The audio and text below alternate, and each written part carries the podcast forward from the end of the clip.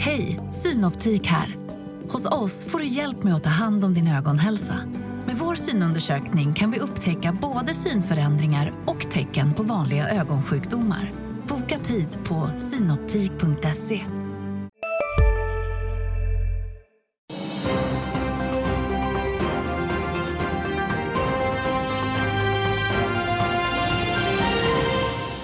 Äntligen måndag och full fart här i studion. Vi noterar stigande börser på flera håll i Asien men däremot mer av en sidledes rörelse här i Stockholm. Det är den 20 november, du tittar på Börsmorgon. I dagens program ska vi slå ett slag för Fagerhult, eller rättare sagt DIs Mikael Olsson som ni såg bredvid mig slår ett slag för Fagerhult. Vi ska gästa Mats Kviberg också och så ska vi titta till tre nordiska favoriter. Det gör vi tillsammans med Alexandra Morris som gästar oss ifrån Skagen Fonder och det är vi väldigt glada för. Väldigt starkt känsla att ha det här, väldigt stark känsla på marknaden i november, Alexandra. Ja, november har ju varit eh, eh det har varit ett nervöst marknad, men allikevel så har det gått väldigt bra. Och det marknaden har ju blivit dratt av igen, de Magnificent Seven, alltså de stora techbolagen i USA. Medan resten av marknaden har legat eh, lite efter. Samtidigt har det ganska kraftiga slag får man säga. Det är lätt att bli upphetsad när det går upp mycket men också en viss oro känner jag. Verkligen. Alltså när det kommer inflationssiffror eller centralbanksbesked eh, eller någonting som liksom kan ge en indikation om vart konjunkturen är på väg så kommer det ju ske stora rörelser. Det, det har vi sett nu. Um, så det är, det är klart att även makro påverkar väldigt mycket. Från makro till Microsoft som backade lite grann i fredags efter beskedet att OpenAIs styrelse eh, avskedat VD Sam Altman. Efter det följdes en helg, följde en helg av turbulens och uppror och underliga utspel på X eller Twitter. Lite som svenska Betsson fast på steroider. Eh, han skulle komma tillbaka som VD var det tänkt eller ryktades det om. Men nu på morgonen kom beskedet att det inte blir så. Istället blir eh, Emmett Shear som tidigare varit chef för Twitch, ny VD för OpenAI. Microsoft är största ägare, äger väl nästan hälften av aktierna i OpenAI men kontrollerar inte bolaget direkt med styrelseledamöter om jag förstått det rätt. Väldigt svårt att, att tolka den här utvecklingen, Micke. Ja, verkligen. Väldigt rörigt. Och det är också lite oklart exakt hur eh, själva bolagsstyrningen går till i det här fallet. Och om de drivs för vinst eller om det är så att det är en non-profit organisation som de själva lite grann har pratat om och liksom vad syftet är. Nästan, nästan det är oklart. Oklart ehm, också varför han sparkades. Jag har inte riktigt förstått. Det, det har inte kom, framkommit några detaljer men det har spekulerats ganska friskt och eh, det är väldigt många som har stöttat hans, Sam Altman som eh, var VD tidigare och de har väl pratat en del med media och sådär. Och det verkar nästan som att det är en kampanj som pågår lite grann på sociala medier också. Det är ganska ovanligt att man ser det på, på den nivån men eh, så har det blivit. Mm. Till en annan rörig utveckling i Argentina har libertarianen och eh, fulmunnen får vi säga, för jag kan ju spanska och jag hör ju att han svär väldigt mycket. Javier Milei har blivit vald till president och han eh, verkar lite knasig tycker jag. Vi ska titta på ett kort klipp, vi ska inte snöa in för mycket, men så här lät det bland annat. Si abrazamos las ideas de la libertad, vamos a volver a ser potencia. Por lo tanto, tengamos fe, recobremos la fe en nosotros, porque nosotros lo podemos hacer.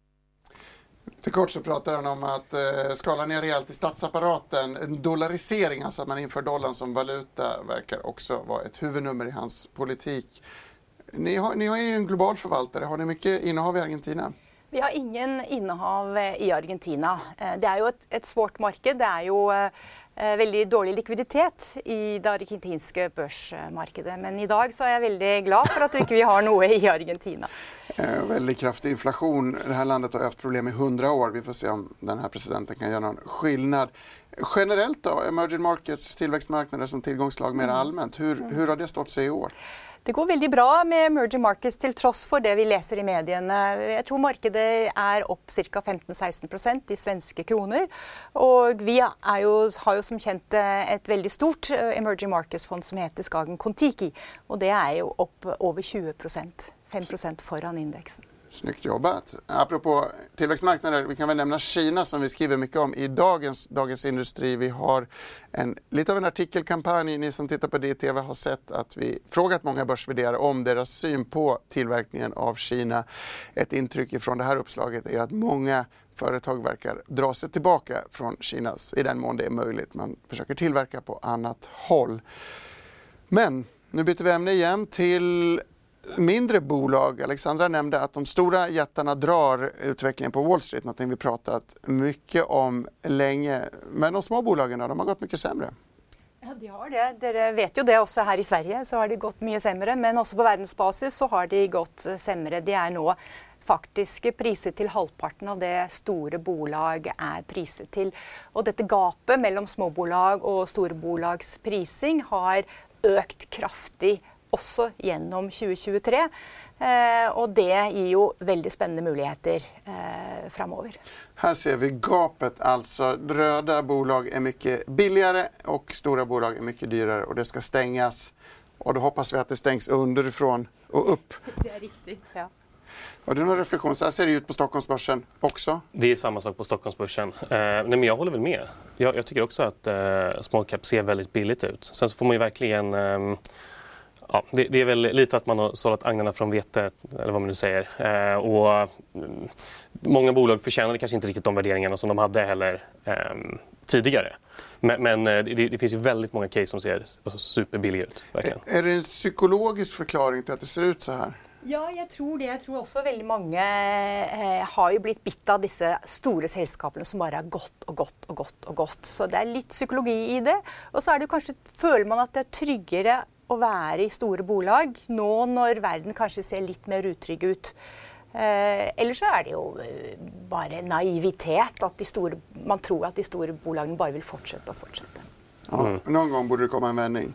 Ja, absolut. Samtidigt så har de ju, många av de här stora jättarna har ju enorma kassor, liksom superbalansräkningar och växer fortfarande bra. Liksom. Så det, är, det har inte varit fel hittills, det kan man inte säga. Nej, det, är svårt, det är svårt att hitta tajmingen på sådana här trender. Det är lite som på valutamarknaden, eller att skiften dröjer ibland längre än vad man tror. Men du har snackat om, förutom en vändning, så har du snackat tidigare om merger mania, en fusions eller köpvåg som ett möjligt resultat av detta. Ja. Du vet jo, Noen ganger i livet så er du overbevist om at noe er for billig. Og det var vi i 2004. Da sto vi foran to år med mange oppkjøp av småbolag. Og jeg tror vi står foran det nå igjen. Det kjennes bare altfor billig ut. Og de store bolagene som har store kassabeholdninger, som du sier, de også nå framover, i en litt mer ruglete verden, eh, så vil de nå begynne å kjøpe opp mindre bolag Eh, som da vil være innvandrende for deres inntjening. Och här ser vi några bolag som har blivit uppköpta eller där det har kommit bud eller affärer det senaste kvartalet? Ja, här ser dere bolag från Skagens eh, eh, fond. Det är tre sällskap eller bolag eh, som har blivit köpt upp i løpet av de, bara de tre sista månaderna till betydlig premium. Self Storage Group, Group i Norge, eh, Vitesco i Tyskland och Textainer i USA. Og vi hadde til og med et på tampen av forrige uke. Et japansk bolag som solgte et av sine datterselskap til 40% premium. Så her begynner det virkelig å skje noe. Möjligen kan man argumentera att små bolag har sett värderingarna pressas ner väldigt mycket så även en premie gör kanske inte alltid affären så bra. Har du någon tanke kring det? Är man, är man benägen att acceptera bud på nedpressade nivåer? Nei, det er man ikke. Eh, da vil man jo absolutt eh, prøve å stå imot og prøve å finne en white night eller ja. å prøve å argumentere for høyere pris. I, I, Sverige har vi sett två utköp av småbolag nyligen, Bergs Timmer och Götenehus. Och då har det ju varit huvudägaren som har försökt plocka ut, eh, eller de här processerna är inte klara då. Men då blir det ju väldigt svårt att stoppa dem eftersom att ja, de sitter redan på så stor del. Um, så, så jag menar, den möjligheten finns ju också om det blir för billigt att, ja, men, om det finns möjlighet att kanske belåna och, och plocka ut det så kommer säkert en del att försöka göra det, tror jag. Intressant också, många riskkapitalister har ju satt bolag på börsen som inte gått så bra. Det är inte helt ovanligt att man försöker köpa tillbaka. Det kan också vara en, en, en fråga apropå den svaga. Vi delar ju svag valuta i Sverige och Norge. Tror du att det bidrar till att utköp kan komma från andra länder till oss i Norden. Det har inte riktigt varit så hittills, men det skulle kunna komma. Ja, det skulle kunna komma, ja. Vi får se om det blir så. Jag vill notera en grej som Expressen drar på stort apropå svenska Sandvik som tydligen är mer eller mindre, eller antagligen ofrivilligt, delaktiga i byggandet av ryska bomber och raketer. Det här sker via bulvaner och andrahandsmarknader. Eh, ett kapitel som på något sätt tycks återkomma. Vi har sett några sådana här exempel inom svensk industri, Micke. Det, det har funnits några stycken sådana. Oftast så är det ju att det är en, underförsälj, eller liksom en underleverantör som säljer det här vidare till Ryssland från kanske Centralasien eller sådär. Um, det har inte fått jättestor effekt på, på aktiekursen och sådär hittills. Så um, jag tror att bolagen jobbar ganska, eller försöker jobba för att det inte ska bli så. Men um, ja, det har väl funnits en del avslöjanden på att ganska raffinerade upplägg som jag har förstått i alla fall för att kunna sälja det här vidare. Ja, men tillägga att Sandvik säger att de arbetar aktivt för att stoppa sanktionsbrott. Eh, Expressen skriver dock att flera distributörer i Turkiet öppet skyltat med en försäljningssida på ryska och exporterat stora mängder Sandvik-utrustning just till Ryssland. Så vi får väl hoppas att Sandvik kan knipa åt det här hålet. Nu vill jag prata om Nibe och Gert Erik som förstör, försökt knipa åt analyskåren. Han eh, blev uppmärksammad efter en telefonkonferens i förra veckan som gradvis har blivit en stor snackis på marknaden. Många har hört av sig till mig om det här och varit lite förvånade över språkbruket. Vi har skrivit om det i fredags tror jag. Ja, men, eh, som sagt det var den här telefonkonferensen och det var väl några analytiker som eh, ställde frågor som de inte ville svara på. Så, ja, det upplevdes som lite frustration kanske man kan säga. Eh, men det var också på den eh, nivån att en del tolkade det kanske lite som eh, ehm, ja, men lite arrogant möjligtvis. Eh, eller inte aktieägarvänligt i alla fall. Så, så, tror jag att en del uppfattade det. Och då är ju frågan, okej okay, men eh, är det här ett större problem än så? Eh, sannolikt inte givet hur eh, historiken har varit. Jag menar, det, det, finns nog en väldigt stark bolagskultur som snarare är åt det positiva hållet, får man, får man anta, givet ja, vad är det, 35 år han har suttit mm. i vd-stolen. Liksom. Um, men sen så kan man också tolka det som att ja, de får väldigt mycket frågor om lageruppbyggnad eller prispress. Eh, kanske från blanka håll också. Där har vi sett att blankningen har gått upp ganska kraftigt. Um, så det skulle kunna vara att de um, helt enkelt känner sig pressade. Det, det, är en alternativ tolkning. Det är ju en aktie som har värderats väldigt, väldigt högt. Och... Ja, ja det, historiskt så är det väldigt billigt nu men det har, ju, det har absolut ja. varit, under de senaste åren har det varit en jättehög värdering. Jag tänker att man inte är van. Man är inte så van vid den här typen av motvind. Det har gått så bra så länge. Um, Ja, jag, jag, jag, tror, jag, jag, vill tro att de är vana vid ganska stora upp och nedgångar. De har varit med ett, ett bra tag, eh, många i ledningen och, och Gert-Erik också. Så, men, men, det är klart att det är, är det ett pressat läge så, så kanske det visar sig. Jag, ser ingen anledning till att liksom avfärda det här i alla fall utan man kanske ska liksom försöker bilda sig en egen uppfattning och inte bara lita på den ena eller den andra sidan. Nej, och det gör man ju genom att titta på Börsmorgon, det vet alla. Apropå upp och nedgång, flygbranschen är ju turbulent och svår. Roligt därför att du har med dig ett flygbolag, för mig ganska okänt i din bukett utav tre aktier att titta lite närmare på. Norse, ett norskt flygbolag. Ja, jag tänkte jag skulle ta med ett nytt sällskap. Eh, det är ju ett väldigt ungt sällskap. De har eh, eh, 15 787 Dreamliners, alltså långdistansflyg, som är leasat på extremt la, nivåer. Faktiskt så lava att de, värdien av det är långt över börskursen. Och så är det Ska jag se Men spännande, jag är nyfiken. Man, man, tar, man har en så bra deal på den här leasen ja. så, att, så att den skulle kunna säljas teoretiskt till, ja. till ett annat flygbolag. Till ett långt högre äh, värde än börsvärdien av sällskapet. Eh, og det som är spännande är att det är två industriella aktörer nå som, er, eh, som önskar att ingå strategiska samarbeid med North Airways. Eh, så selskapet eller bolaget har eh, hyret in externa konsulenter eh, till att värdera strategiska möjligheter. Och så har vi också en icke-industriell, en finansiell investor som har köpt sig kraftigt upp i bolaget den sista tiden. Och vi tror inte de är en långsiktig aktör, men de vill pressa på för att få ting gjort. Jag knyter an lite till vår förra diskussion om, om deal eller merger mania, alltså att det finns Ja. Nå er det jo slik at Vi, vi kjøper ikke bolag fordi at vil, vi tror de vil bli kjøpt opp. Vi kjøper jo bolag fordi vi tror på det fundamentale caset i bolaget. Ja, men, men okej, okay, men, du, men du får en liten bonus, en liten krydda här i, ja, i, i en möjlig. Roligt eh, med ett flygbolag också. Småspararna älskar ju flygbolag och nu är SAS på väg bort. Med en reflektion ja. där. Nej, men, eh, jag, jag gillar den typen av upplägg också för även om det inte blir någon affär så riktar ju många blickarna emot caset på grund av att det finns någon som aktivt försöker driva värdet eller liksom synliggöra det åtminstone. Eh, så kanske ingen reflektion om flygbolag överlag men, men det, det, jag, jag tror att man ska vara om man ska leta småbolagscase nu, då ska det nog finnas en ganska tydlig anledning till varför den ska gå upp, aktien. Eh, jag tror inte bara man ska köpa för att det är billigt. Det, det kan bli ganska mycket billigare. Ja, eh, hörni, teknikhandelsbolaget Indutrade har kommit med lite nyheter nu på morgonen. Man inrättar fem nya affärsområden vid årsskiftet. Detta för att stärka plattformen för nästa tillväxtfas. Oklart när nästa tillväxtfas ska komma. Omorganisationen innebär att koncernens hittillsvarande åtta affärsområden skrotas och att koncernledningen bantas från 14 till 9 personer. 9 har klockan också slagit nu. Vi går därmed till Studio 2 för börsöppning.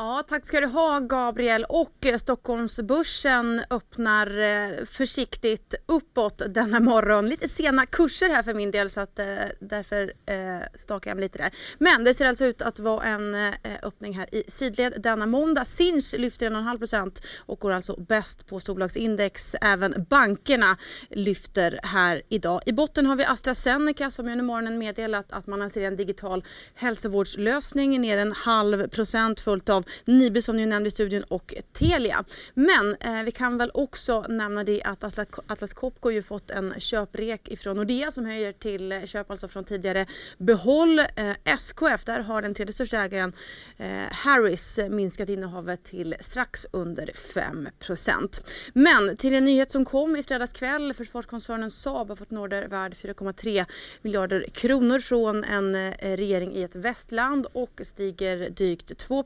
här idag. Sen har det också sålts eh, aktier i Nordnet. Det är eh, vice vdn som sålt för 1,8 miljoner. Även Sverigechefen har sålt för 3,6 miljoner. Aktien backar en halv procent här idag. Och sen har vi ju då Fagerhult som är veckans aktie i Dagens Industri och får en köprek från Micke Olsson i studion som ser en uppsida på en 40 procent. Aktien lyfter 4 eh, procent här i inledningen idag. Ni nämnde ju också Indutrade som ju stukar om i koncernstrukturen och bantar koncernledningen aktien. Aktien backar svagt här i inledningen idag. Och så har vi fastighetsbolaget Emilshus som rasar eh, betydligt mer än rabatten med 4% i sin riktade emission. De tog in 200 miljoner kronor. Aktien är ner 7% här idag. Kan väl också nämna BioArctic eh, vars Alzheimerläkemedel Lecanemab vunnit pris för bästa nya läkemedel och årets kliniska framsteg på Scrip Awards 2023-aktien lyfter en halv procent idag. Men eh, ja, för att sammanfatta då så är det en väldigt försiktig inledning på Stockholmsbörsen idag som eh, inleder i sidled. I sidled 0,02 upp kan vi lämna att medicinteknikbolaget RLS Global har beslutat att ansöka om konkurs börsvärde på 36 miljoner kronor. Konkursansökan är, beror på att RLS trots intensivt arbete under 2023 inte hittat en sund och fungerande lösning på sin ansträngda finansiella situation, skriver bolaget. Jag kan inte säga att jag var någon expert på RLS Global innan det här. Däremot eh, fastigheter pratar vi mycket om här i studion. Notera att Fastator backar mycket, jag vet inte riktigt varför. Emilshus, eh, värt att notera, 7% ner på den här emissionen. Ja, Eh, nej, men det har varit en del eh, riktade emissioner och refinansieringar överlag. Eh, jag tror att om man kan göra riktade emissioner och är ett liksom, halvt pressat eh, bolag så är det väl bra.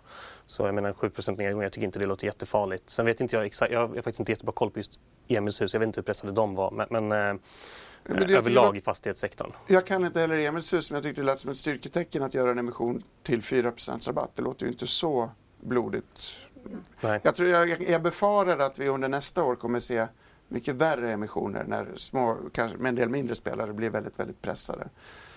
Men jag tänker också att vi ska stanna kvar. Vi byter ämne från emissioner och pratar om ett annat fastighetsbolag som är lite mer omtyckt. Svenska Diös. Ja, det kan vi göra och det är jätteviktigt att man när man ska vandra in i dessa småbolagsvärlden eh, eh så måste man finna kvalitetsbolag.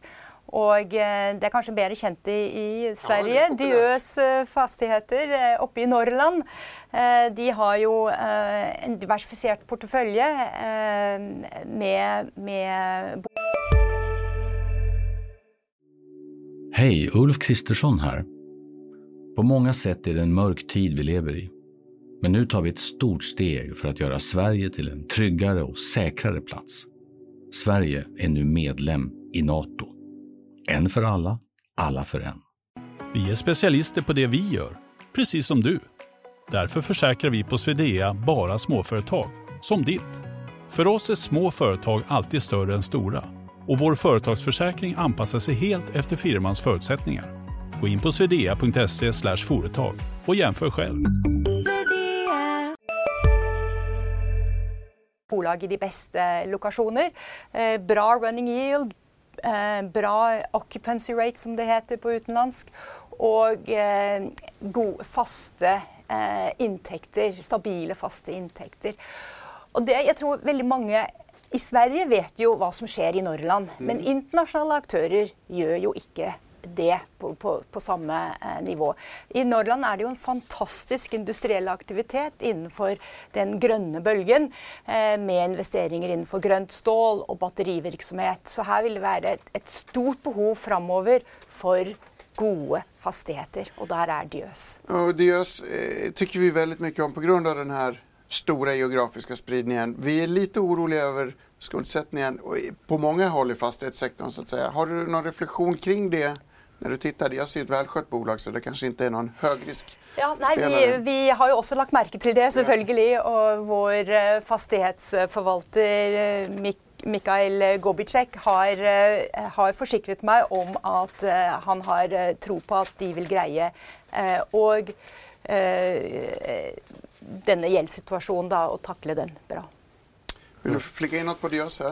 Eh, nej, men jag tycker det är intressant att du tar upp att eh, liksom utländska aktörer inte har riktigt samma koll kanske. För jag, jag kikade lite snabbt i holdings här och ser att utländska aktivt förvaltade fonder eh, liksom de underäger Diös i förhållande till snittet mot eh, mot listan. Sen kanske det är så i fastighetsbolag generellt, det, det har jag inte koll på. Men eh, jag menar, det har ju hänt ganska mycket i ägarbilden där också. Bengtssons Tidning sålde ju 2019 och Nordstjärnan har sålt sina aktier. Så um, jag menar, de har ju två starka huvudägare i form av familjen Paulsson och um, eh, Bob Persson. Um, så jag menar, om de skulle behöva refinansiera sig så tror jag att det hjälper till om du har väldigt ja, huvudägare med bra bankkontakter ska det inte. Väldigt intressant och då har vi en internationell fond som har hittat det så vi hoppas att flera får upp ögonen. Det är inte omöjligt att, nu har ju Sverige varit väldigt illa ansett i utlandet på grund av fastigheter men det är inte otänkbart att man börjar leta efter billiga och lågt värderade Apropå Fastator, jag, fick, jag bläddrar här i Aftonbladet eh, med frenesi. Jag fick ett tips ifrån en tittare att det är Aftonbladet som skriver om Kuylenstierna Fastators starka man och det skulle kunna föranleda kurstappet i det här bolaget. Vi får be om att återkomma i, i, i fall... Oj, 13,3 procent, det var inte dåligt. Det här är ju, till skillnad från det jag har sett av börsens eh, mest pressade bolag och det är väldigt svårt att se vilka emissioner eller räddningsåtgärder som ska rädda Fastator och alla dess krångliga dotterbolag. Med det går vi vidare till en eh, fastighetslover faktiskt. Mats Kviberg heter han. Han investerar gärna, äger väl Stenhus i Öresund och äger Vilborgs och eh, Fabege privat i familjen om jag inte missminner mig. Vi träffades i förra veckan och gjorde ett en ganska lång intervju som handlar om allt ifrån fastigheter, inflation, Per Lagerkvists diktande och Lidingös alla kulturpersonligheter. Jag tänkte vi ska titta på ett litet klipp om börshumöret utifrån det samtalet. Alltså, rent generellt kan man väl säga att det är inte röda prislappar på börsen. Det är inte jättebilligt med aktier. Det är fortfarande så att vi har inte fått... Vi har ju sett en, en, en jag brukar säga börsen tar rulltrappan upp och hissen ner. Men den här gången är rulltrappan ner också så att det är ju en, en, en nedgång som är en pyspunka på börsen. Och räknar man i kronor så har ju fortfarande börsen gått upp 5-6 i år men räknar du i dollar, schweizerfranc och euro så har ju börsen gått ner ganska dramatiskt. Så att vi har ju en, en stor ägare i Scandistandard som kommer från Portugal. Att köpa aktier i Scandistandard är billigare för honom idag än det var för ett år sedan trots att de har gått upp 20 procent. Vad tror du om börsen resten av året och nästa år? Det ska vi åka ner lite till låter det som. Jag vet inte. Jag, det är ju väldigt slaget på börsen. Oktober var ju uruselt och så började november jättebra och sen vet vi inte hur länge det här håller i sig det, det är ju en del konstiga signaler som... så länge vi håller på med en massa krig så kommer vi få inflation. Det, alla säger att inflationen håller på att försvinna, men det tror inte jag på. Inflation infinner sig alltid när man befinner sig i krig och nu är det en jävla massa krig överallt. Mats Kviberg, finansmannen, alltså i en intervju som vi lägger sista handen på och är på väg att publicera i sin helhet nästan en halvtimme. Här var det en osäker börs. Det är en äldre Mats Kviberg som är lite försiktig inför marknaden. Intressant reflektion att den svaga svenska kronan också har gjort att även om ett bolag som har gått upp kraftigt på Stockholmsbörsen för en utländsk investerare ter sig mindre populärt. Hur har den norska kronan gått? Den norske kronen har varit eh, lika svag som den svenska dessvärre. Och det Eh, er nok fordi at tilliten til den norske regjeringen er på et lavpunkt. Eh, de endrer rammebetingelsene til bolagene over natten, f.eks. via skatt, dramatiske skattehøyninger for fiskesektoren. Og det gjør at eh, selvfølgelig utlendinger skyr Norge och den norska kronan. Bilden i Sverige är att allting går så dåligt i Sverige och då går kronan neråt och då brukar jag säga att i Norge går allting bra. Men det är en intressant reflektion att eh, bolagssynen på företagens lagstiftning har varit väldigt eh, man har, man har tagit sig stora friheter och ändrat väldigt snabbt. Eh, politiskt förtroende helt enkelt. Ja, intressant. Vill du reflektera mm. över svaga kronor på ändra sida ehm, gränsen? Nej, men man kan väl också säga att den eh, brukar väl hänga ihop ganska mycket med oljepriset som har gått eh, kanske förvånansvärt svagt trots geopolitisk oro i, i Mellanöstern och sådär. Um, så jag menar att oljepriset har gått så, så dåligt kanske inte hjälper det heller. Vem vet? Mm. Vill, jag, vill, jag vet inte om man kan göra det så. Det kanske är en förenkling. Men... Mm. Jag är inte så säker på att oljepriset har varit så svagt. okay. ja, nej. Jag tycker oljepriset har varit bra, men nu går det i alla fall dåligt för oljepriset i, i närtid kan vi trösta oss med. Vi byter ämne. Um, man vet ju aldrig med valutor riktigt. Däremot vet jag att Grabbarna på Fagerhult var ett tv-program på Sveriges Television som sändes på 1900-talet, 1990-talets början. I fyra avsnitt eh, ägnade sig Jan Guillou, Leif GW Persson och Per Lorentzon åt jakt, fiske och andra klassiskt manliga sysslor.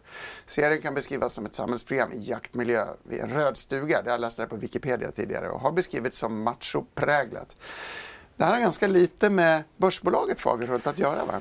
Ja, jag tror det. Jag har helt missat uh, det här, men det, det låter som ett uh, spännande program. Du, du... uh, men det, det, är inte det jag har skrivit om, utan jag har skrivit om... Uh, Fagerhult Group, eller vad heter det? Ja, exakt. Fagerhult Group heter de. Det Fagerhult är ett dotterbolag det som, som grundades då på 40-talet i orten där. Det känns som att många människor har dålig koll. I alla fall hade jag det innan. Belysning i olika former är, är den gemensamma nämnaren va? Precis, belysningslösningar eller ja, belysningsarmatur helt enkelt. Till um, privatpersoner eller till industri? Nej, det, det är till, eh, till infrastrukturprojekt, eh, utomhus och kommersiella fastigheter och aktörer.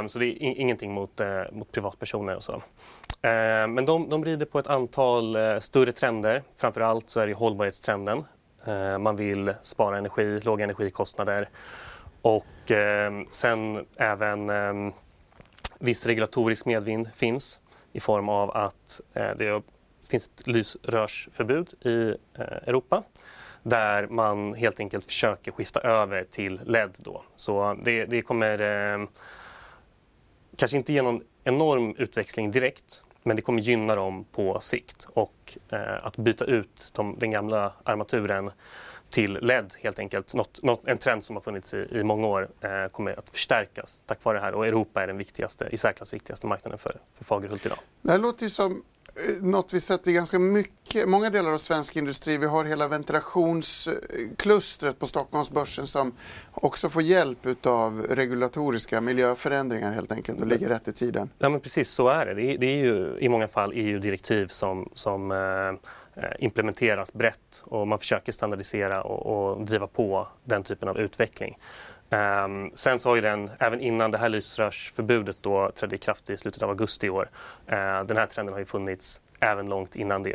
Uh, ska jag säga. Så det är, det är, inte så att det är, um, ja, sker något drastiskt. Och jag, jag, tror att marknaden, just, just den biten, tror jag att de flesta på marknaden känner till. Men bolaget är ganska okänt. Jag tror att det var en ganska populär aktie 2016, 15, 17 någonstans där. Men sen har det tappat lite. De gjorde ett stort förvärv 2019 och marginalen har pressats lite och sen eh, var ju inte de här coronaåren och, logistikproblemen som kom med det någon, någonting som hjälpte till där. Men nu eh, har det sett bättre ut i ett, ett antal kvartal. Eh, aktiekursen har repat sig lite grann så det är ingen fyndvärdering kanske. Men eh, de har ändå de här trenderna med sig och det man köper är ändå kvalitet. Men det är inte den här gröna bubblan som har pyst ihop som vi har sett på så många håll på börsen? Nej, de, de var inte riktigt med varken upp eller ner med den utan de, de har liksom varit nästan eh, lite cykliskt emot det, aktiekursmässigt i alla fall.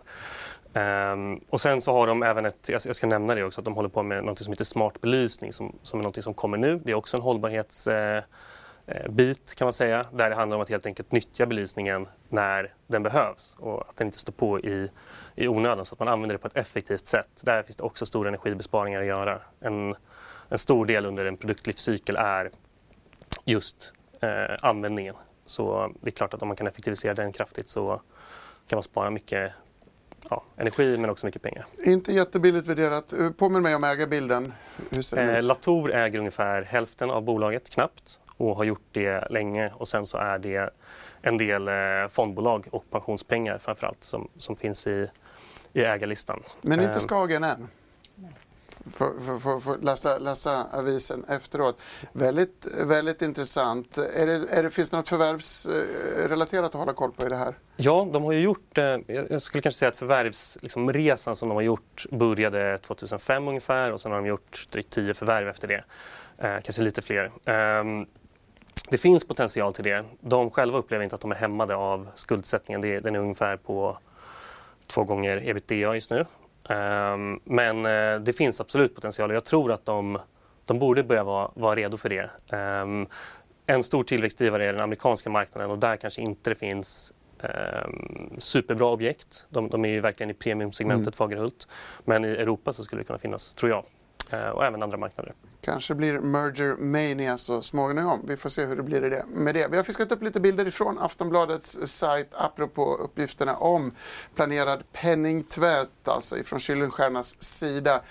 Vi påminner om att Carl Bildt alltså sitter i bolagets styrelse tillsammans med Björn Rosengren, inte ABB Björn utan gamla minister Björn har gjort så under en lång tid. Eh, vi ska fortsätta läsa och begrunda den här artikeln. Väldigt intressanta uppgifter om fastdator som alltså rasar kraftigt på börsen. Riktigt hur kraftigt, det ska Ylva Johansson få upplysa oss om, tänkte jag. Eh, Ylva står redo vid skärmen. Ganska positivt på börsen. Eh, lite mer bekvämt över nollstrecket för, för breda index i alla fall, Ylva. Ja men det får man väl säga. Stockholmsbörsen stiger eh, väl ändå dock ganska försiktigt denna morgon. Sinch däremot lyfter fortsatt 1,5% ungefär vilket ju skulle kunna ha att göra med att Apple från och med nästa år kommer stödja meddelandestandarden RCS vilket skulle gynna Sinch. Även H&M är upp 1,5% idag. I botten däremot har vi SBB som backar 3,5% följt av AstraZeneca som meddelat att man lanserar en digital hälsovårdslösning och backar 1,5 procent. Saab fortsätter att stiga upp en 3% efter sin miljardorder. Sen så har ju som sagt flera högt uppsatta chefer på Nordnet sålt aktier. Aktien är ner 1% här idag. Fagerhult eh, är också fortsatt upp, stiger 4 Det är veckans aktie och har fått en köprek ifrån eh, Micke Olsson i studion. Indutrade däremot backar fortsatt en halv procent. Har ju meddelat att man gör om i koncernstrukturen och att man samtidigt bantar ner koncernen koncernledningen. Men eh, så nämnde ni ju också lilla investmentbolaget Fastator som ju rasar en 10% här idag och detta alltså efter Aftonbladets rapportering att eh, grundaren Joakim Kuylenstierna hörts beskriva hur man värvar eh, politiker till bolagsstyrelser för att komma undan med penningtvätt. Vi kan väl även nämna eh, fastighetsbolaget Emilshus som backar eh, just nu ganska mycket i linje med rabatten i bolagets eh, riktade emission där man tog in 200 miljoner kronor ner 4 4 just nu. Jag kan väl också nämna BioArctic som lyfter 1,5% eh, Där har vi fått uppgifter under morgonen om att man fått eh, flera priser på en gala till följd av sitt Alzheimer-läkemedel lecanemab. Sist och också absolut minst medicinteknikbolaget RLS Global som ansökt om konkurs har inga eh, kurser på det bolaget eh, ens så att det är bara för att nämna det. Men eh, sammanfattningsvis då, så är det fortsatt ganska försiktigt på Stockholmsbörsen som stiger försiktigt, försiktigt. Nej, eh, hörni, intressant, tråkigt med RLS. Eh, jag, vill nämna en, jag vill visa en tweet i den andra stora rörliga nyhetsutvecklingen. Microsofts VD Satya Nadella som nyss twittrade om att man ser fram emot att arbeta med OpenAIs nya VD Emmett Shear. Vidare skriver Nadella att den sparkade VDn Sam Altman kommer att ingå i ett AI-team hos Microsoft. Det verkar alltså som man har hittat en bred kompromiss där alla får åka med i AI-tåget. Eh, glädjande Micke. Fantastiskt, verkligen. Vilken, eh, vilken, eh, vilket skönt slut att vi slapp all denna dramatik. Ja, vi får se om det blir slutet. AI är, både upphetsande och läskigt tycker jag. Nu byter vi ämne igen. Iveco, en stor aktör inom lastbilar som man kan väldigt lite om, ska du få berätta om. Ja, eh, jeg tok frem Iveco, for jeg tenkte at svenskene kjenner jo veldig godt til Volvo. Eh, lastbiler. Og Iveco er, har 80% markedsandel i Europa eh, på små og mellomstore eh, lastebiler. Og de investerer mye i eh, elektriske lastebiler, eh, selvfølgelig pga. de nye kravene om CO2. Eh, selskapet har skull. Eh, de har også satt i gang et stort forbedringsprogram. De ønsker å øke sine marginer. Og selskapet, eller bolaget, er latterlig lavt priset på rundt fem ganger inntjening og 0,7 ganger bokførte verdier. Så dette mener vi en, eh, kan være en doblingskandidat på to til tre år eh, dersom eh, marginforbedringsprogrammet slår til. Ja, intressant. Samma regulatoriska drivkraft alltså som, som hjälper det här bolaget framåt. Har du, har du suttit i en lastbil? Har du eh, nej, jag har inte det. Nej, det låter väldigt kul, så jag ska titta in i Iveco. Eh, vi har ingen kurskraft på Iveco tyvärr, men jag undrar, har de kommit ner efter en boom som många andra miljöteknikbolag, eller hur ser du på den här låga värderingen? Ja, de har, de har kommit gott ned. De har ju nettopp blivit spunnet ut av CNH i, eh, i Italien. Eh, så det är relativt kort historik eh, på bolaget på börsen. Mm, såklart en väldigt spännande marknad. Hade du koll på det här innan? Eh, nej, inte alls. Jag tror jag har hyrt en skåpbil från dem en gång när jag flyttade i mina unga dagar, men eh, inte annars. Ja, intressant. Mycket att läsa på. Flera intressanta nya bolag. Dessutom en spännande vecka som väntar. Det är få tunga hållpunkter i den makroekonomiska kalendern. Men vi har förstås Riksbankens räntebesked på torsdag. Lite lägre inflation än väntat tillsammans med svagare arbetsmarknad.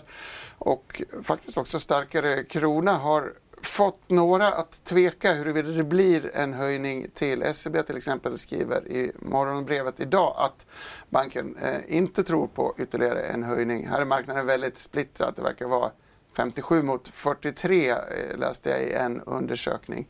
Vill du gissa? nej, nej jag, jag har verkligen ingen aning. Mm, då får vi runda av det här programmet. Jag vill bara en sista Norge-relaterad fråga. Jag har ju läst med stor behållning om Erna Solbergs man som tradat otroligt mycket. Han har gjort tusentals trade. Det här har varit en större nyhet i Norge förstås mm. än i Sverige. Om man får flashar från Dagens Näringsliv så har det stundtals varit tapetserat med ja. nyheter om det här. Din reflektion? Det är ju en personlig tragedie för, för familjen eh, och jag tror nog att efterhvert nå så vill eh, detta förhoppningsvis gå över. Eh, men det är ju en hinsides tragedie. Har han tjänat bra med pengar? Nej, han har ju inte det heller. Jag tror att han, om han hade satt pengarna sina i ett globalt indexfond så hade han tjänat mycket mer. Pengar i en global indexfond går bättre än 3000 snabba trades. Alltså det är en av alla läxor från dagens sändning. Alexandra Morris, eh, Micke och jag tackar för oss. Samma tid, samma kanal imorgon ses vi här igen. Väl mött då. Missa inte Börskoll klockan 14. Lycka till!